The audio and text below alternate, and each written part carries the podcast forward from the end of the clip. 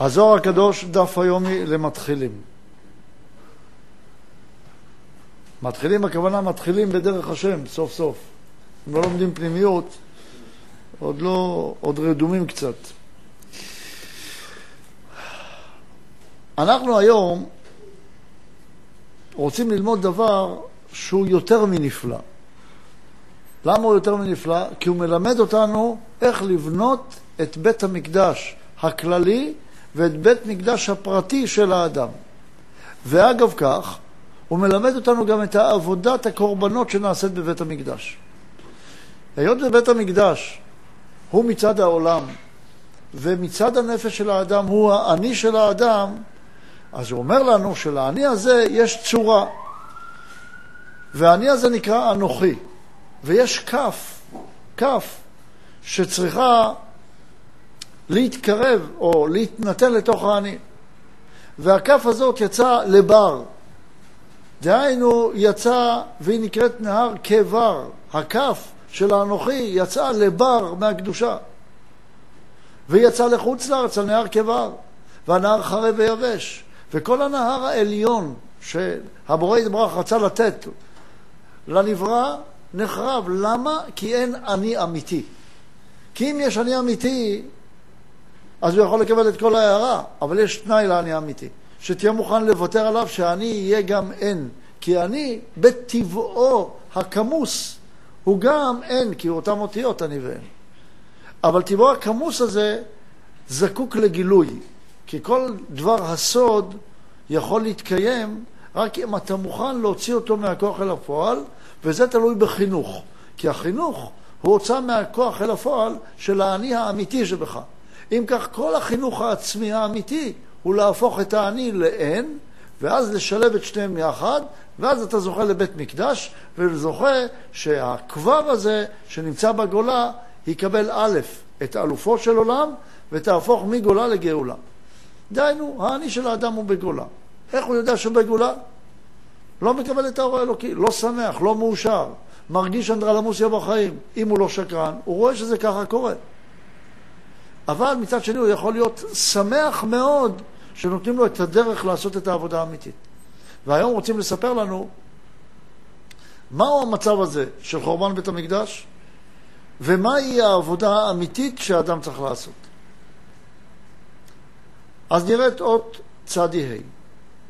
כך אומר הזוהר הקדוש.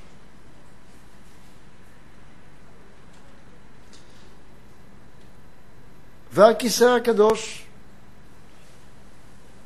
שהוא המלכות, נפל. מה נפל? אותו סמך, שהתפקיד שלה הייתה סומך השם לכל הנופלים. מי נפל?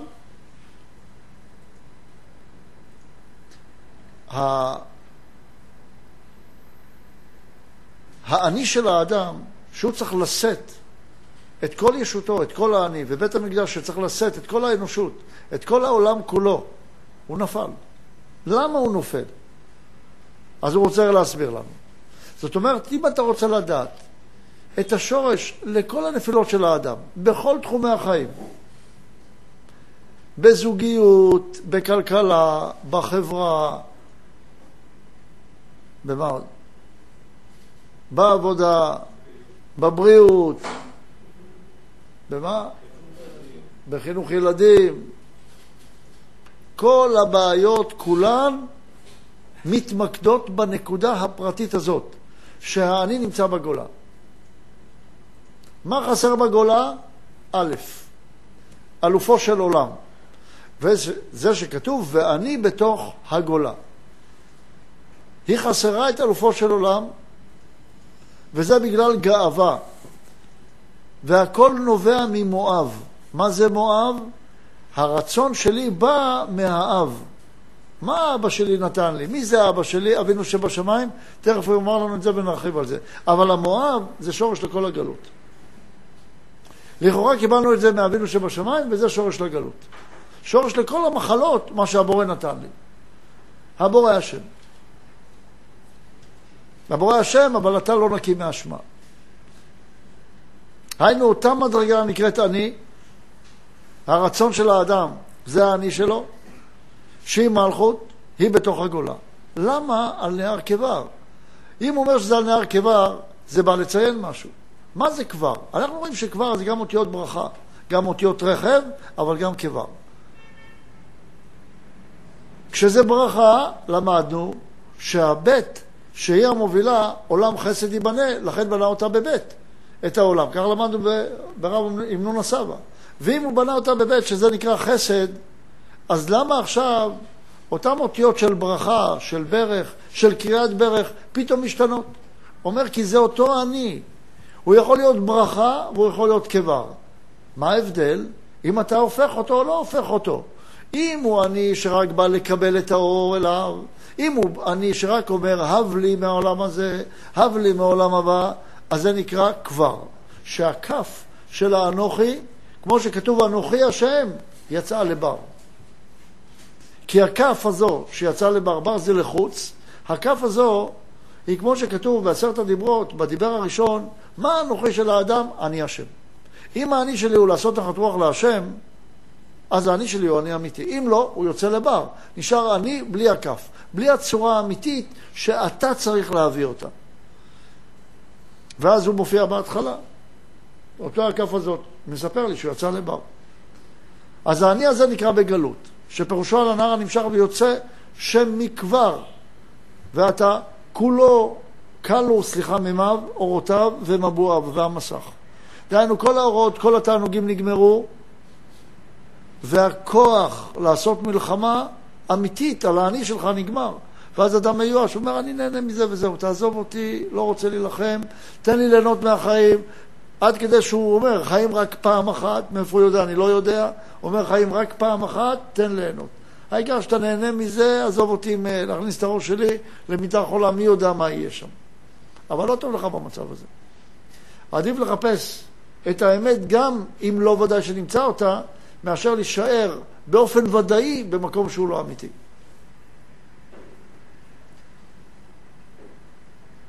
ואינו נמשך כבתחילה.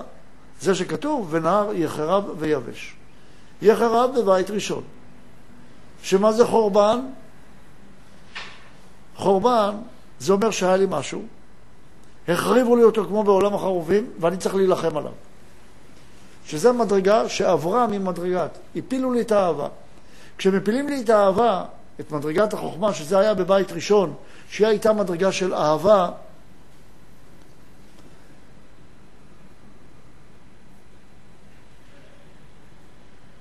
אז אני נהיה איש מלחמה, שאני צריך להילחם על המדרגה הזאת. יחרה בבית ראשון, יבש בבית שני. בית שני זה יובש, כל האורות נסתלקו, כל גדלות שהיא. גם אורות של נשמה, אורות של יראה, גם נסתלקו. אין לא מדרגת חיה ולא מדרגת נשמה. אין מדרגת אהבה ואין מדרגת יראה. אין שלמות בשום צורה שהיא. כל מה שאני נוגע בו, יש בו חוסר שלמות. משום זה כתוב, הוא היכה את שני אריאל מואב. שני אריאל, אריאל זה בית מקדש. מה זה שני אריאל מואב? זה פלא פלאים להגיד שני אריאל מואב. כי מואב זה קליפה קשה מאוד. מואב זה שאמרה אותה בחירה שהרצון שלי בא מאב. לא כמו אותה צעירה שאמרה, היא באה מהמון, דהיינו מהעם כולו, מהרצון הכללי, מהנפש. לא, פה היא אומרת, היא באה מהאב, מלמעלה. בגאווה גדולה. מי זה הרצון שבא מאבינו שבשמיים? הוא אותו רצון שאמר לי, אני רוצה שאתה תקבל את התענוג. חבר שלך בא ואומר לך, אני רוצה לתת לך. איזה רצון יש בך? לקבל את אותו אור. מדרך הטוב להיטיב, לכן ברא נבראים שיקבלו את הטבתו. דהיינו עם השתוקקות לקבל. ההשתוקקות שלי להיות מאושר, שאני רוצה לקבל את האור, ומגיע לי, זה גאווה. אבל זה בא מאבינו שבשמיים.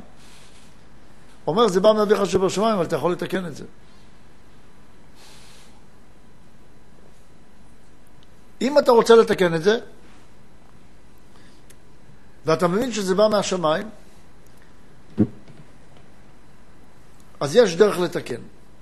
ראשית נבין שהרצון הזה שבא מהשמיים, שהוא רצון לקבל ועל מנת לקבל, הוא נקרא זכר, מואב. זכר לא יכול להתקן. נקבה יכולה להתקן. מה זה נקבה? אם אני משייך את זה רק לאבינו שבשמיים ולא אליי, אז זה בא מלמעלה, אני רוצה להיות מאושר, ככה אני. כשאני אומר ככה אני, זה בא לי מלמעלה. ככה אני, אני רוצה להיות מאושר, לא יודע למה. כזה אני, תקבל אותי איך שאני.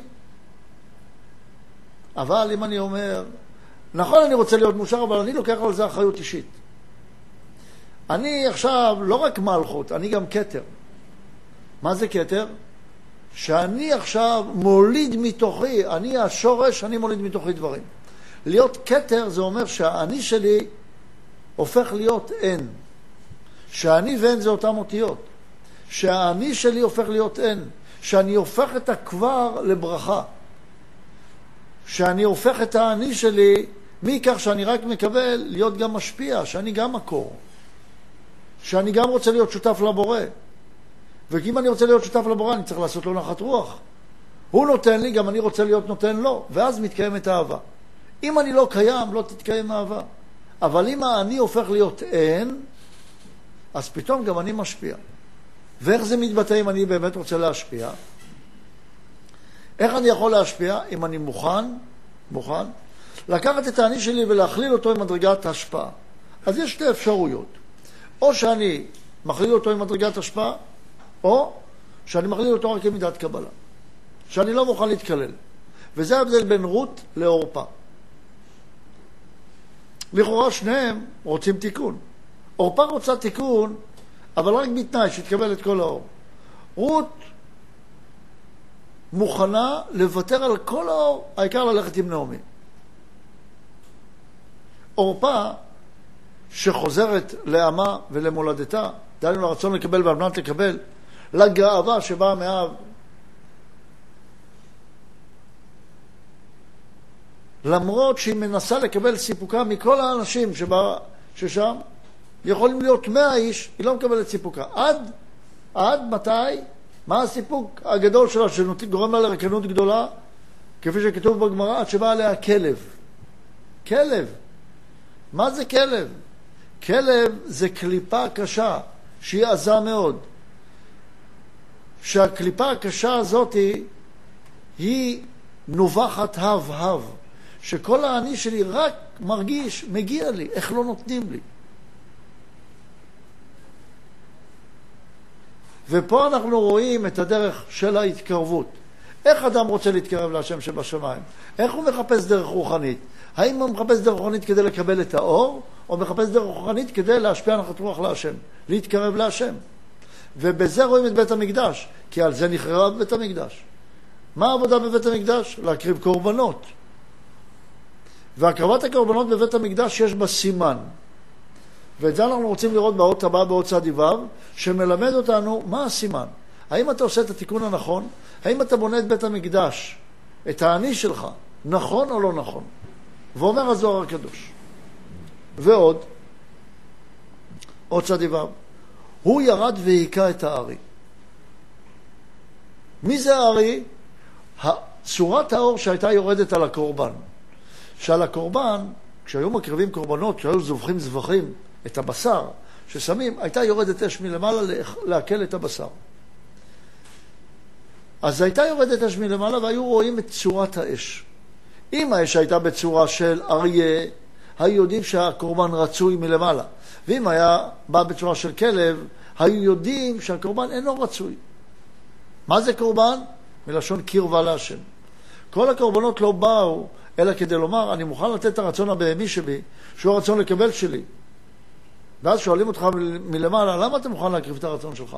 למה אתה מוכן לשלם? למה אתה מוכן להתאמץ במשהו בכלל? אז יש שתי אפשרויות, בודקים אותך. אם זה בשביל לעשות נחת רוח לבורא, דהיינו להעלות מן בשביל לעשות נחת רוח לבורא, אז הצורה של האור יורדת לפי הביקור שלך. אז האור הוא דבר מופשט. הוא יורד לפי הצורה שאתה העלית. אם העלית ביקוש לקשר, לקרבה, לאהבה, אז זה צורת התענוג שתהיה לך. שזה נקרא שהאור, האש מלמעלה, יורדת לפי הצורה של הביקוש. אם הבקשה שלך הייתה של אור חוזר, אז האור שירד הוא בצורה של אריה. אריה זה מידת החסד. כי במרכבת יחזקאל יש אריה בצד ימין, שור בצד שמאל, נשר באמצע, ואדם שמקבל את כולם. אם האור, אם האש באה בצורה של אריה, זה סימן שהקורבן שלך רצוי. צורת ההתקרבות שלך להשם, הדרך הרוחנית שלך היא נכונה. אם כל הדרך הרוחנית שלך, מקיים תורה מצוות, לומד מדיטציות, עושה סלטות וגלגולים באוויר, מה עוד? מה עוד עושים? מה? עושים הילינג, הילינג. נוסעים למזרח, מוכנים לעשות צומות, מוכנים לתת תרומות, הכל בשביל לקבל תענוג אישי. אפילו תענוג יותר רוחני. כל זה, קוראים לזה כלב. כלב. יש כלבים שמתחפשים לאריות, אבל הם נשארים כלבים. ולא צריך להתבלבל. ויותר קל לאדם להמשיך להיות כלב, רק במקום להיות כלב גשמי, נהיה כלב רוחני. במקום להגיד רק הב לי מהעולם הזה, אז הוא אומר הב, הב, הב לי מהעולם הזה, הב לי מהעולם הבא, זה אומר הזוהר.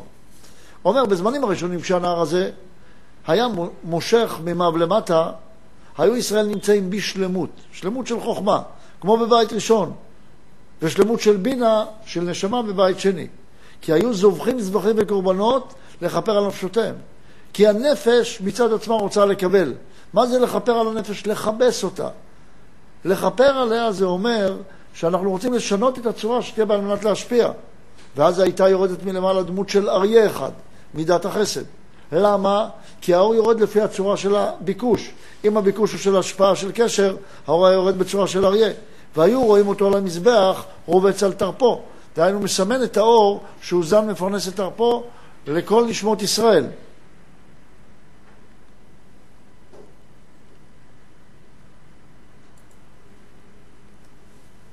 אוכל הקורבנות כאיש גיבור, כי האריה נקרא גבורה, כי אריה גימטריה גבורה, שאדם צריך גבורה גדולה לוותר על הרצון האישי שלו, לוותר על הזבח בשביל להתקרב להשם, שזה התפקיד של זה. וכל הכלבים, דהיינו המקטרגים, היו נחבאים מלפניו ולא יצאו לקטרג, כי כל הקליפות, כל הקליפות כולם, מתבטלות. יש, אומר בעל הסולם, שהקליפה של הקבלה לעצמה מכונה בשם כלב. ככה נקראת הקליפה הזאת. ובזוהר הקדוש,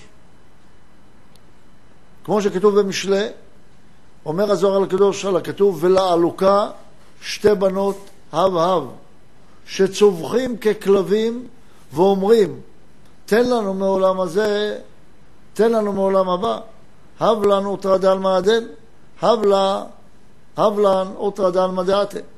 והיא הקליפה החזקה ביותר, ואחיזתה מתחזקת ביותר כנגד היחידה.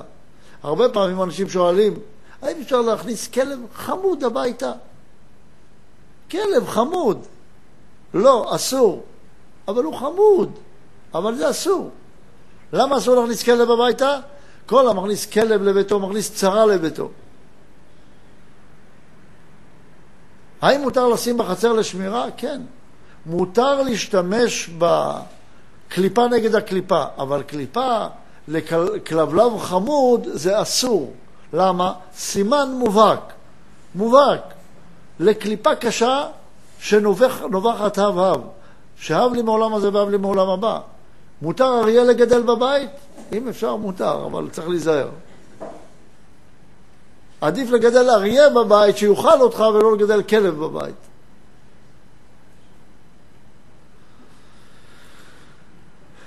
וזו מידת החסיד. שלי שלך ושלך שלך, ולא כמו הכלב שהוא המידה ששלך שלי ושלי שלי. כי על זה אומר הזוהר שכל חסד דאבדין לגרמאיו דאבדין. למה? כי הם קשורים בקליפת הכלב, אומות העולם. הם עזים כמו כלבים.